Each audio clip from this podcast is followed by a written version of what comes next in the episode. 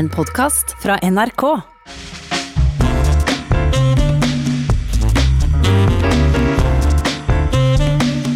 Dystre tider til tross, nå skal vi snakke om humor, og vi skal snakke om glede. For om noen dager er det 100 år siden Kjell Aukrust ble født.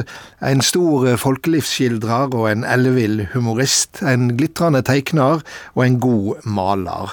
Og skaperen av to av de mest slitesterke figurene vi har som felleseie her til lands, Solan og Ludvig. Så velkommen i studio, Jon M. Jacobsen og Lars Espen Aukrust. Eh, la meg begynne hos deg, Lars Espen Aukrust. Kjell var din onkel, og da kommer du ikke unna spørsmålet hvordan var han på nært hold? Ja, han var, han var annerledes enn andre onkler jeg hadde, det var i hvert fall helt sikkert. Eh, mens jeg var liten, så var jeg jo først og fremst en tilhører. Og han, var, han og far var eh, veldig nær, og de passet alltid på å bo i nærheten av hverandre. Så Kjell var nok innom hos oss eh, til kaffe i hvert fall en gang i uken, så, så, lenge jeg kan huske som liten. Og det var jo, det var jo et eneste inferno av historier og fortellinger, og de satt og mimret. Og mye av ideene rundt bøkene til Simen og bonden og bror min kom jo fra når de minnes gamle dager i oppveksten. Ja, Og så var han jo et leikende menneske, var han ikke det? Jo, i aller høyeste grad. Eh, som, da jeg var ungdom, så ble jeg nesten lekekameraten hans i perioder. Spesielt med racerbilkjøring osv. som han var altså, veldig opptatt av. Altså bilbane? Bilbane, ja. Gjett. Han, han, ringte Jeg husker som 17-åring så ringte han ringte han plutselig en morgen og sa eh, var vinterferie og sa 'Lars Espen, må komme med en gang!' Og jeg løp ned 100 meter opp trappen og ble skyndet inn på, på arbeidsbordet hans. og Der hadde han bygget opp Monaco Grand Prix rundt en sånn Airfix-bane. Og kjørte hele dagen. Og så plutselig så ser han på klokken og sier 'Oi, klokken nærmer seg fire, snart kommer Kari, du må skynde deg hjem'. Og så satte han seg ned og hadde hatt en, fortalte Kari han hadde hatt en dårlig arbeidsdag. Ja, Jonheim. Jacobsen, du er jo en av landets fremste filmprodusenter, og, og, og du har laga film basert på, på Kjell Aukrust-fortellinger. Hvordan opplevde du han? Ja, da jeg ble kjent med Kjell, så hadde jo jeg altså, jeg hadde jo et, hva skal vi si, et mentalt forhold til ham. Og fordi at jeg vokste jo opp på 50-tallet. Og da kom jo Flåklypa i bokform samlingen av det, det han skrev for Mannskapsavisa. ja, Flåklypa Tiden, ja, denne tiden, avisa som han ja, laga. Ja, avisen som han laget. Kom i, sånn, i en samleutgave. Og jeg husker vi gutta satt i Vallefar i trappeoppgangen og leste høyt for hverandre. Mm. Og vi holdt på å dø av latter. og, det var, eh, og det var min introduksjon til Kjell Aukrust. Og det om da eh, På den tiden så var det liksom Det var tre store idoler som representerte kulturlivet. Det ene var Walt Disney. Det andre var Astrid Lindgren. Og den tredje var Kjell Aukrust. Og jeg har vært så heldig i livet at eh, alle de tre på forskjellige måter har tangert mitt liv. Og Kjell var den jeg da kjente best. Og eh, for meg så var det liksom Ja, det var nesten som å møte Jesus. Det er og han levde opp til det. Han var eh, spesiell, han var talentfull, og han var interessant. Og han hadde sider som du aldri ville trodd. For eksempel? For eksempel eh, noe som overrasket meg veldig, det var at han, han var veldig interessert i annen verdenskrig. Mm. Og eh, han fortalte at hans store frustrasjon, det var at han ikke kunne engelsk. Så han kunne ikke lese engelsk litteratur om annen verdenskrig. Og eh, han var henvist da til det som var gitt ut på norsk. Så, så, eh, jeg skulle ønske han hadde levd lenge nok, slik at vi kunne invitert ham på premieren på Max Manus. Hmm. Eh, han eh, slo jo igjennom eh, med noe så lite internasjonalt som Alvdalstrilogien, altså de tre bøkene med, med titlene 'Simen, bror min', og så den siste med tittelen 'Bonden'. Og dette er jo historier med røtter i barndomsopplevelsene Alvdal, som du nevnte, Lars Espen Aukrust. Men Samtidig så er de jo på sitt vis også universelle. De strekker seg ut over Alvdal. Ja, altså det er jo en beskrivelse av, eh, av innlandskulturen på den tiden i Norge. Eh, som Jeg kan ikke skjønne at det er mulig å beskrive den kulturen på noen bedre måte enn det han gjorde i de bøkene. Han eh, laga jo heimstaddiktning, men samtidig så var det noe allmentgyldig over det. En kjenner igjen stemninger, og en kjenner igjen eh, ting hos seg sjøl i dette. Og det er vel det som er stor diktning, eh, Jon M. Jacobsen? Ja, altså han var jo kjempeflink til å male med ord. Eh, og eh, du liksom På en måte du flyttet inn i hans historier. Og, eh, og, det er egentlig en egenskap som ikke alltid er kombinert med evnen til å uttrykke seg i bilder, som Kjell var. Og eh, noe av dette Jeg syns jo Kjell f.eks. er undervurdert som tegner. Altså Han er en av de beste tegnerne vi har hatt i Norge, etter min mening. Eh, men fordi at han er morsom, så har han ikke fått den anerkjennelsen. Han er liksom eh, Han hadde fortjent sin egen avdeling i Kunstnernes hus eller i Nasjonalgalleriet for det, altså for hans tegninger. Ja, og det hender jo også at Kjell Aukrust sukka over at han var blitt plassert på morohylla, som han uttrykte det. At nettopp alle spilloppene og alle påfunna, det stengte lite av og til for den djupt seriøse kunstneren eh, Lars Espen Aukrust? Ja, det, det, mener jeg er riktig. Um, han hadde en utrolig observasjonsevne, som sikkert også var blitt styrket av hans trening som, som i sin utdannelse som tegner og, tegner og maler. Og den observasjonsevnen den kombinerte han jo med denne e-, eventyrlige sansen for humor. Uh, og, og, og da ble han en forteller han, hans evne som forteller syns jeg preger mye, mye av ham. Med veldig mye detaljer kombinert med forenkling. Og det gjelder både når han, eh, i, hans tekster, masse detaljer, men veldig forenklet og fokusert. Um, og også i tegningene, hvor han var like opptatt av å ta ting bort som å legge ting til.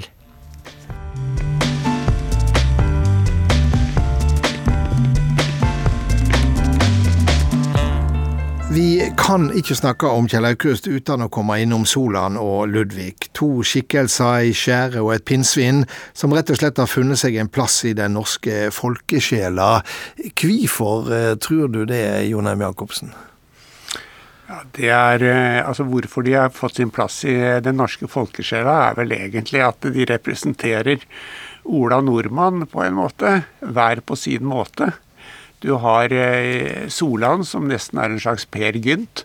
Alt er mulig, og alt skal vi få til. Og så har du Ludvig, som er eh, redd og forsiktig, og eh, tør vi det, og osv.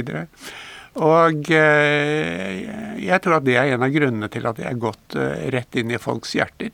Men det er en faktor til, og det er at grunnen til at Kjell har fått dette til, det var at disse to figurene de var virkelige for han.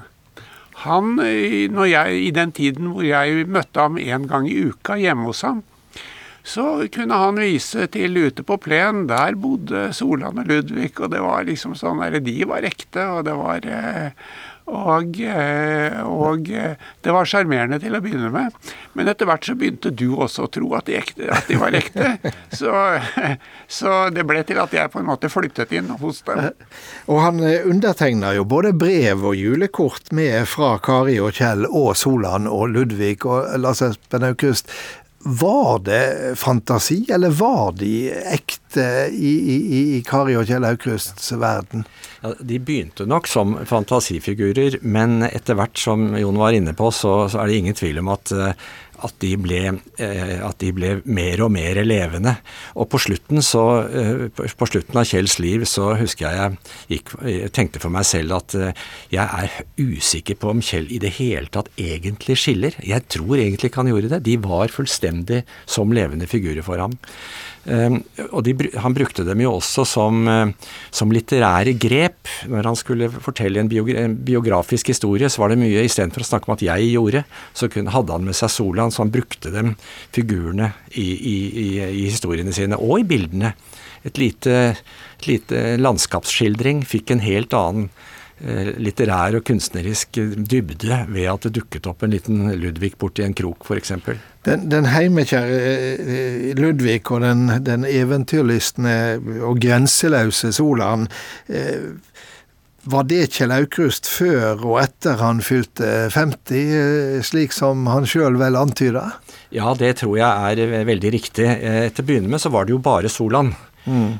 Og, da, og, og, personlighetene til de to ble nok spisset litt etter hvert som Ludvig også kom inn. Da ble, ble de litt tydeligere, mer atskilt. Ja, men, men, at det var Kjell sa det, og jeg tror, jeg tror han mente det veldig på alvor. Um, Solan og Ludvig, eh, det er vel noe av det som sitter sterkest i, i, igjen, eh, hvis, vi, hvis, vi, ser rundt oss nå fra det som Kjell Aukrust har laga?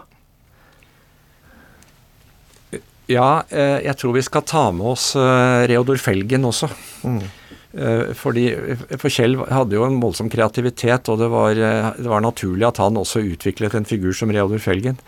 Eh, men, men, Reodor Felgen har nok også eh, er blitt symbolet, litt sånn som Petter Smart var i den amerikanske verden. Så, så er Reodor Felgen blitt det i Norge. Eh, symbolet på innovasjon og kreativitet.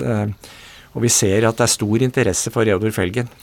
Og, og, fra Reodor Felgen så er det ikke lang vei til Flåklypa Grand Prix, Jon Eim Jacobsen. En, en eventyrlig suksess. Det er vel den filmen som er sett av flest? Den er absolutt uh, sett av flest. Uh, nå er strides det uh, om hvor mange som egentlig har sett den. Og jeg skal ikke ta opp noe revidert regnskap her, men, men, at, men at den er en klar nummer én i norsk kinohistorie, det er hevet over enhver tvil. Hva med ditt eget filmsamarbeid eh, med, med Kjell Aukrust? Eh, du laga filmen 'Solan Ludvig og Gurin med reverumpa', var vel i 98. Eh, og da ble du skikkelig kjent med han som samarbeidspartner? Ja, vi, vi holdt jo på i noen år før, før filmen nådde kinolerretet. Og eh, jeg var jo, som jeg nevnte, hjemme hos ham. Jeg mener at det var hver onsdag i en viss periode. Måtte du også si et eh, dikt før du slapp inn? Nei, det måtte jeg ikke. Men det var en annen ting jeg måtte. På den tiden så hadde jeg, eh, hva skal vi si, oppfylt barnedrømmen, eller ungdomsdrømmen. Jeg hadde kjøpt meg en fabrikkny Porsche 911 og eh, det nyttet ikke å komme til eh, Kjell og ha tatt trikken. Nei, han forventet at Porsche 911 Carrera firehjulstrekk skulle stå parkert utenfor inngangen hans. Det var, det var kravet. Og han sto ofte i vinduet og så at denne bilen kom, og da var han fornøyd.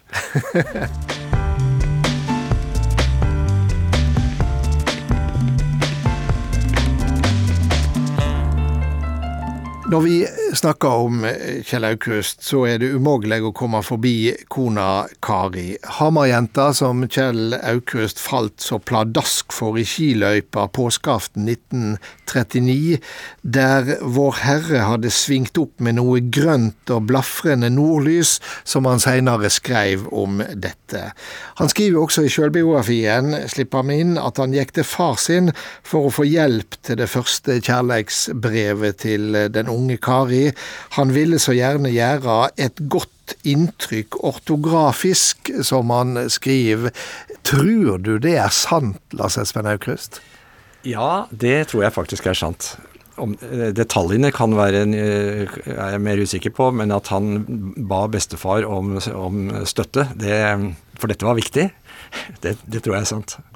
Ja, og Han skriver jo også at eh, både far og sønn Aukrust venter like spent på, Kar, eh, på, på Karis eh, svar. Det er sannsynligvis også da helt, helt korrekt, for, for, bestefar og bestemor var jo åpenbart bekymret for Kjell.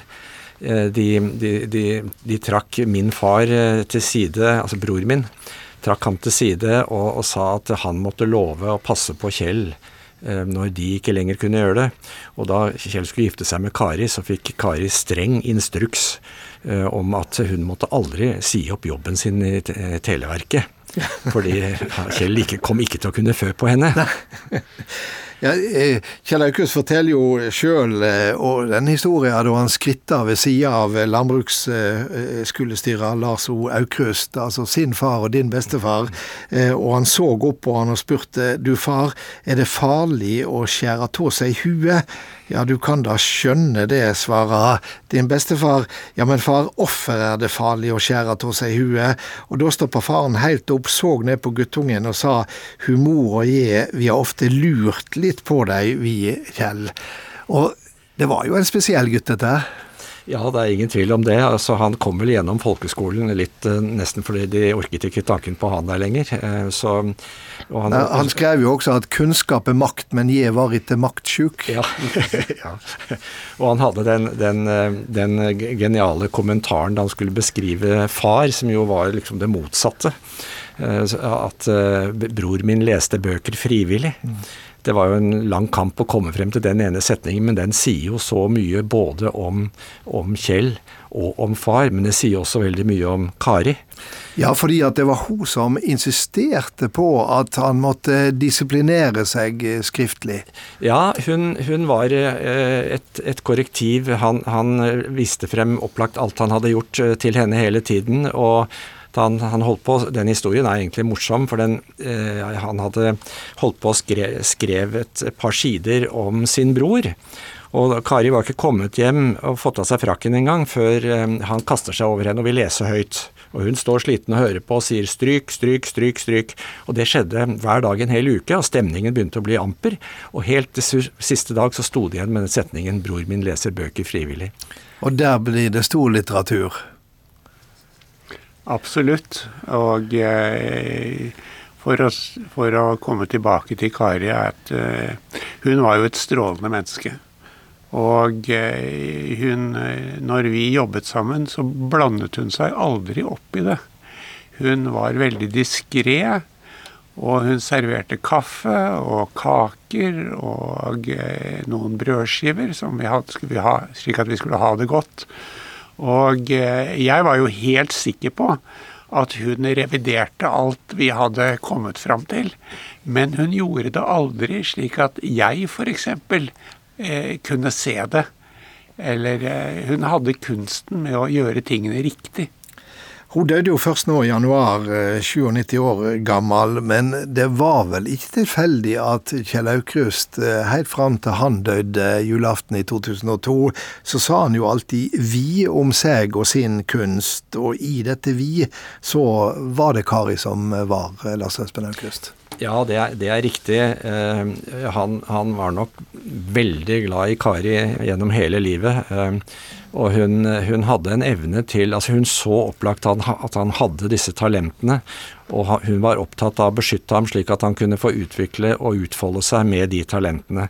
Og hun må jo ha hatt en engelsk tålmodighet. Altså, de hadde trang økonomi. Hun dro på jobben om morgenen og kom hjem om ettermiddagen. Um, og han hadde brukt De satt i flere måneder og, og kjørte eh, små plastikkracerbiler på, på stuegulvet. Det ble jo en historie ut av det. Det ble alltid en historie ut av det. Men, men hun, har, hun, må ha vært en tålmodig sjel. Det, det, slår meg at eh, det er vel ingen som har greid å få hverdagsopplevelser til, selv av det minste slaget, til å bli små noveller, slik som Kjell Aukrust greide det. Nei, eh, det har du jo selvfølgelig helt rett i. Eh, men jeg mener jo, og har alltid ment, at hvis det ikke hadde vært for Kari, så ville vi aldri hørt om Kjell Aukrust. Er, altså, Kjell hadde jo en slitsom oppvekst. Han ble mye mobbet på skolen, for han var jo annerledes. Og i Kari så traff han en person som tok vare på han.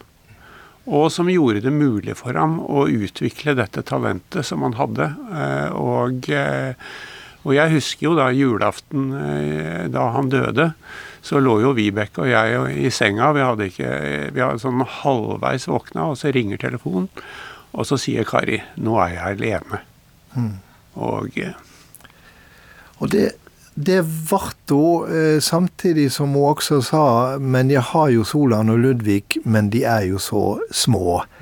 Og sånn var det kanskje, Lars Espen Aukrust? Ja, det er helt, det er helt riktig. Uh, og på slutten så sa hun, sa hun nettopp at de var små. Da Kjell døde, var han opptatt av at de skulle passe på henne, men eh, de ble nok litt for små.